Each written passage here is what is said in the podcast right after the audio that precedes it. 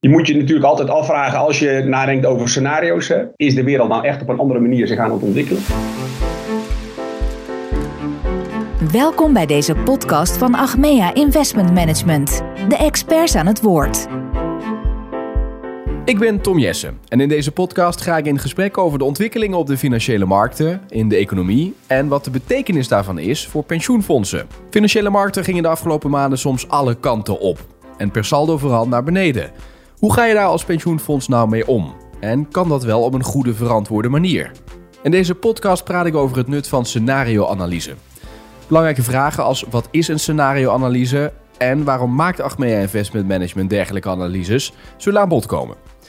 Daarover ga ik praten met mijn gasten. Twan van Erp, hoofd strategisch portefeuilleadvies en directielid bij Achmea Investment Management. En Maurice Geeraerts, senior investment strategist bij Achmea Investment Management. Hallo. Goedemorgen. Hallo, goedemorgen. Laten we eventjes beginnen bij het begin, namelijk wat is dat nou precies, scenario planning? Twan, kun jij daar antwoord op geven? Ja, dankjewel voor die vraag. Hartstikke leuk. Um, wij uh, werken bij Achmea Investment Management inderdaad graag met scenario's om mogelijke toekomstbeelden in kaart te brengen. Uh, scenario's zijn nou, gestileerde weergaves van de toekomst, zijn naar mij geen exacte voorspellingen. Um, wij merken alleen dat het uh, heel waardevol is om uh, jezelf te proberen te verplaatsen in een bepaalde situatie. Daar herkenning op te krijgen bij onze klanten, bij onze pensioenfondsen. En dan vervolgens te onderzoeken wat die betreffende situatie of dat betreffende scenario betekent voor de beleggingsportefeuille van je pensioenfonds. En daarmee een soort van nou, perspectieven in kaart brengen. en kijken op welke manier we daarop kunnen inspelen. Ja, precies. Dus je maakt eigenlijk een, ja, een soort van routekaart om eventjes met Mark Rutte te spreken voor de toekomst. En sterker nog, je maakt er niet één, maar je maakt er meerdere.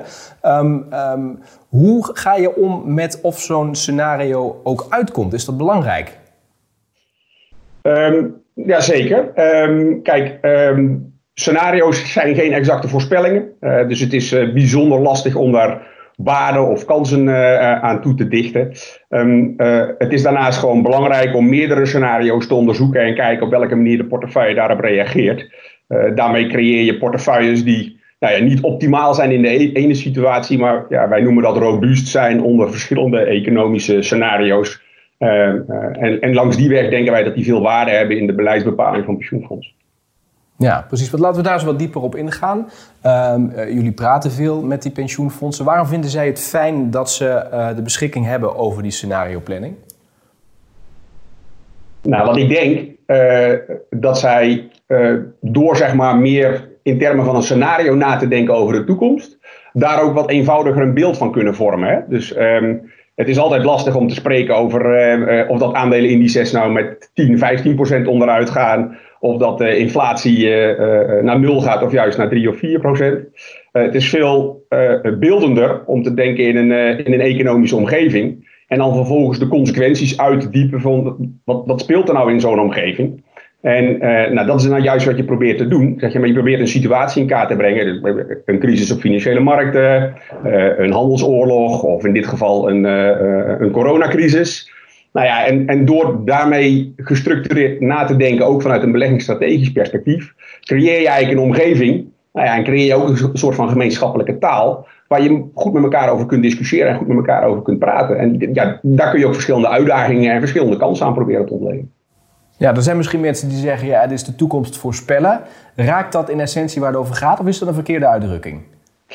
Nee, ik zou dus nadrukkelijk weg willen blijven van het voorspellen van een toekomst. Het is mhm. eerder jezelf voorbereiden op mogelijke ontwikkelingen van die toekomst. Um, ja, bij uh, onze afdeling beleggingsstrategie, die probeert wel zeg maar, indicatoren te vinden. Zeg maar, of dat scenario's nou meer of minder waarschijnlijk zijn. Uh, maar dat is natuurlijk bijzonder lastig om daar zeg maar, jezelf volledig op te verlaten. Uh, ik kom terug aan het begin van mijn verhaal. Economische scenario's. Uh, dat zijn geen exacte voorspellingen van de toekomst. Maar het zijn mogelijke ontwikkelingen. Ja, en, en, en, en door daar jezelf zo goed mogelijk op voor te bereiden. En jij heb je nu al nagedacht over uh, wat je zou kunnen overwegen als bepaalde situaties zich voordoen. Ja. Maurice, laten we eens eventjes kijken naar uh, de instrumenten die je kunt inzetten als je zo'n scenario planning uh, gaat maken. Twan heeft heel goed aangegeven hè, hoe dat in zijn werk gaat, waarom het gedaan wordt. Maar stel dat je dat gaat doen, je gaat daarmee aan de slag. Welke instrumenten heb je dan tot je beschikking? Um, dankjewel. Um, ja, vaak kijk je toch naar het verleden van hoe het toen is gegaan in verschillende crises. Dus je kijkt naar hoe aandelenmarkten toen bewogen, welke koers-winstverhoudingen toen golden, risicoopslagen, rentebewegingen. Dus dat is meestal de eerste stap die je zet. Dus dat je naar de historie kijkt van, ja, zijn er vergelijkbare periodes om daar data uit te halen. Nu is natuurlijk elke crisis anders. Uh, dus je zult ook per crisis even kijken van, ja, zijn er onderdelen die specifieker geraakt worden? Wat is specifiek voor deze crisis? En pas daar het scenario dan op aan. Hmm.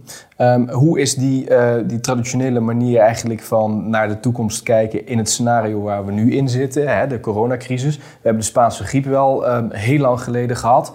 Zijn daar elementen uit bruikbaar die je nu kunt inzetten? Of kun je zeggen, deze situatie die is zo ontzettend uniek, eigenlijk beginnen we vanaf nul? Um, ik denk vooral het laatste, want uh, die Spaanse griep is natuurlijk heel lang geleden. Uh, toen had je ook een hele andere aandelenmarkt, et cetera. Toen is ook wat anders ingegrepen dan dat nu het geval is. Dus wat dat betreft is deze situatie wel uh, vrij uniek. Uh, neemt niet weg dat je uh, er wel naar kunt kijken hoe ja, risicoopslagen en aandelenmarkten toen bewogen. Maar ook in andere crisis, bijvoorbeeld met de kredietcrisis. ja, dat geeft toch wel inzicht ja, wat extreme niveaus zijn voor bepaalde categorieën. En ja, daar kun je dan een beetje tweaken en aanpassen op de huidige situatie.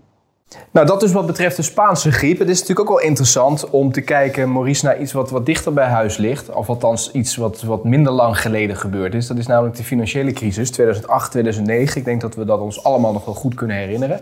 Als je het vergelijkt met die um, crisis maakt en dat gebruikt als input voor um, uh, het scenario en de scenario planning, heb je dan bruikbaar materiaal?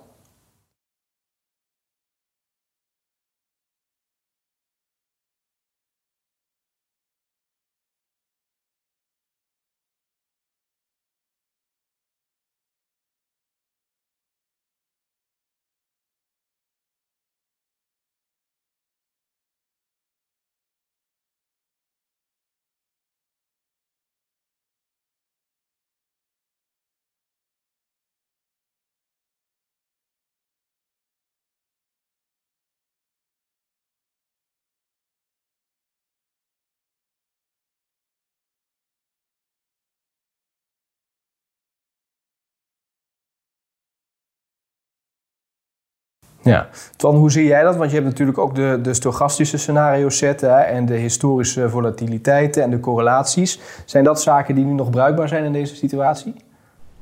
Ja, ik wilde dat net aanvullen op Maurice inderdaad. Kijk, uh, uh, de inhoud van die crisis is denk ik anders. Hè? En uh, daarbij kom ik terug, zeg maar, wat we, wat we net ook zeiden.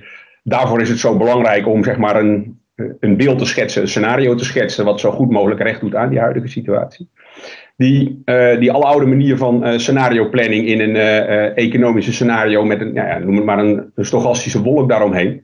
die, is, die is zeker heel erg bruikbaar.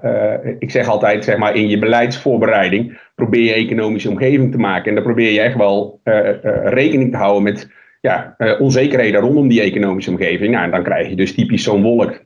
Daarmee breng je wat mij betreft in kaart, zeg maar, ja, hoeveel risico's die, die betreffende economische omgeving met zich meebrengt door zeg maar een specifiek scenario, specifieke scenario's eruit te lichten, geef je meer ja, herkenbaarheid in wat, uh, uh, uh, wat er zeg maar, zich kan ontwikkelen in de toekomst en hoe het beleid van het pensioenfonds daarop reageert.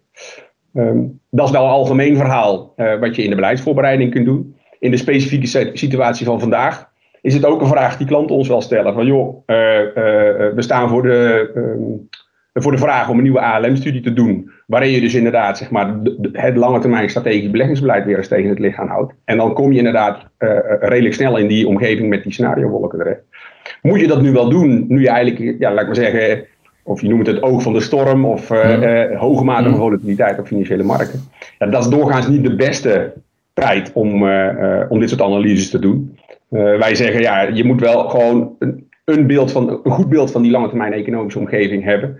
Daarvoor ja, adviseren wij onze klanten om te zeggen van joh, stel die ALM-studie een klein beetje uit. Uh, dat je niet helemaal zeg maar, in het uh, hoogtepunt van je, de turbulentie op financiële markten zit. Ja, ja, en daar hebben ze ook alle begrip voor. Ja, ik denk dat dat wel een gedragen beeld is ook wel. Hè. Dus uh, er zijn altijd plussen en minnen. Kijk, je doet niet voor niets die strategische heroriëntatie. maar hij is ook weer niet zo cruciaal dat die per se in april 2020 moet plaatsvinden. Hij kan prima ook in het najaar gedaan worden. Hmm, hmm. Hoe zie jij dat, Maurice? die reactie van die pensioenfondsen hè, op, op deze situatie en ook hetgeen wat Twan al aanstipt? Um, nou, ik sluit me aan bij Twan. kijk, de onzekerheid is natuurlijk heel hoog momenteel over een heleboel verschillende indicatoren. Uh, als je discussie aangaat, ja, wat kan er gebeuren? Uh, ja, de onzekerheid is gewoon enorm. Er zijn zoveel verschillende factoren eh, die spelen. En uh, zeker ook als financiële markten heel volatiel zijn, ja, kan dat behoorlijke impact hebben op je rendementsverwachtingen. Dus ik ben het zeker met Twan eens, ja, als het uitgesteld kan worden, is dat het verstandige om te doen. Want eigenlijk wil je toch in iets rustiger vaarwater zitten en ook iets meer beeld hebben bij wat lange termijn gevolgen kunnen zijn van deze crisis. Ja, nou, we hebben een goed beeld nu hè, van hoe die scenario planning werkt, waarom die uh, zinvol is. Laten we eens een stapje verder kijken. Hè. Stel een pensioenfonds is onderweg met zo'n scenario planning. Um, wat is dan, en dat zal na een bepaalde tijd ook uh, zichtbaar worden, het nut ervan? Wat, wat, kunnen ze ermee? misschien nog wel één stap daarvoor. Wat zijn de drie zeg, belangrijkste vragen die ze zich moeten stellen voordat ze misschien aan de slag gaan met zo'n planning? Twan? Ja, dat is inderdaad, uh, uh, ik denk, de juiste vervolgvraag. Um, je moet je natuurlijk altijd afvragen als je nadenkt over scenario's. Hè, is zeg maar of dat je de fundamentele kijk op de wereld min of meer verandert. Hè? Dus uh, hmm. we zeggen altijd, ook zeg maar in de, in de beleidskaders van pensioenfondsen, je, je, je herrijdt je strategisch beleid periodiek. en, en tussentijds als de wereld echt verandert. Dus met die scenario's geef je ook wel invulling aan de gedachte van, joh, is de wereld nou echt op een andere manier zich aan het ontwikkelen? Nou, als dat, als dat is, ja, dan zullen we toch wel echt na moeten denken van, joh, we moeten toch wel onze, onze strategie gaan herzien. Dus dat is een belangrijke vraag. Um, ja. een hele lastige vraag, zeker om nu te beantwoorden. En dan zijn er op de korte termijn ook nog een paar andere vragen. Uh, die zijn van, joh, uh, uh, we zijn nu in een crisis terechtgekomen. Um, hebben wij instrumenten in place uh, die ons kunnen helpen bij deze crisis. Hè. Dus hebben wij eerder nagedacht over dit dergelijke scenario's. En uh, hebben wij dan mogelijkheden binnen ons beleggingsbeleid om daar tijdelijk risico te reduceren of om tijdelijk zeg maar afwijkingen van onze strategie toe te staan, die ook afgestemd zijn met onze omgeving, om daarop uh, in te kunnen spelen. een laatste vraag, denk ik, zou kunnen zijn, nou luister, je hebt nu mooi dat inzicht van die scenario's dat kun je heel goed laten zien, zeg maar, hoe dat zich uh, uh, doorontwikkelt in de dekkingsgraadontwikkeling van je pensioenfonds. En daar kunnen ook wel uh, bodemniveaus zijn gedefinieerd. Hè? Dus kan ik überhaupt de korte termijn pijn aan die dit scenario met zich meebrengt? Nou, en als die korte termijn pijn te groot is, hè, laat maar zeggen, de, de, het risico op een daling van de dekkingsgraad te groot is, dan kan het ook een overweging zijn om toch zeg maar in te grijpen omdat je bijvoorbeeld het korten van pensioenen al uh, in absolute zin per se wil voorkomen, ja, dan kan het toch nodig zijn om daar zeg maar wel uh, op in te grijpen. Ja, dat is een interessant punt wat je daar aanstipt. Want inderdaad, je wil het monitoren hè, als je onderweg bent. Maurice, um, kun je aangeven welke um, ja, mogelijkheden je hebt om inderdaad te monitoren en bij te sturen? En, en dan, dan moeten we nog een stapje verder gaan dan het verhaal waar Twan uh, uh, net eindigde. Van hoe doe je dat dan? Hè? Als je inderdaad wil zeggen, nou, wil je die koers toch een beetje bijstellen? Ja, ja, je kijkt eigenlijk naar verschillende indicatoren. Uh, je hebt natuurlijk verschillende eh, scenario's en die scenario's laten een bepaalde ontwikkeling zien. En eigenlijk de aannames die je maakt in die scenario's, die kun je eigenlijk door de tijd heen volgen. Uh, nou, je kunt denken aan economische indicatoren die je volgt, maar ook aan financiële of ingrepen van overheden en centrale banken. Dus dat je kijkt van ja, wat is nodig aan beleidsmaatregelen om dit scenario uit te laten komen. En zo volg je dat door de tijd heen. Um, ik denk wel dat dat aansluit bij wat Twan ook eerder zei. Ja, het zijn geen echte voorspellingen, die monitoringsinstrumenten. Uh, je kijkt gewoon waar je naartoe gaat. En uh, zoals Twan ook aangaf, als je echt bang bent en de korte termijn pijn niet uh, kunt eh, nemen of hebben, dan zul je daar gewoon op tijd actie voor moeten ondernemen. En niet wachten dat je echt bevestiging hebt dat je in het scenario zit. Want de kans is dan groot dat je dan te laat bent. Helder. Tot zover deze podcast over scenario planning en het belang daarvan. Dank aan Twan van Erp, hoofdstrategisch portefeuilleadvies en directielid bij Achmea Investment Management. Dankjewel Twan. Graag gedaan. En Maurice Gerards, senior investment strategist bij Achmea Investment Management. Yes, graag gedaan. Er zijn door Achmea twee scenario's uitgewerkt, namelijk beheerste uitbraak en pandemie XL. In de volgende podcast gaan we in gesprek over hoe die scenario's er precies uitzien. Wilt u in de tussentijd meer informatie? Bekijk dan de wekelijkse publicatie van Achmea Investment Management, de Investment Highlights. Deze bieden een analyse van de ontwikkeling op de financiële markten van de afgelopen week en ook een vooruitblik op die van de komende week. Dank voor het luisteren en graag tot de volgende keer. Dit was een podcast van Achmea Investment Management. Ons doel? Meer vermogen voor later.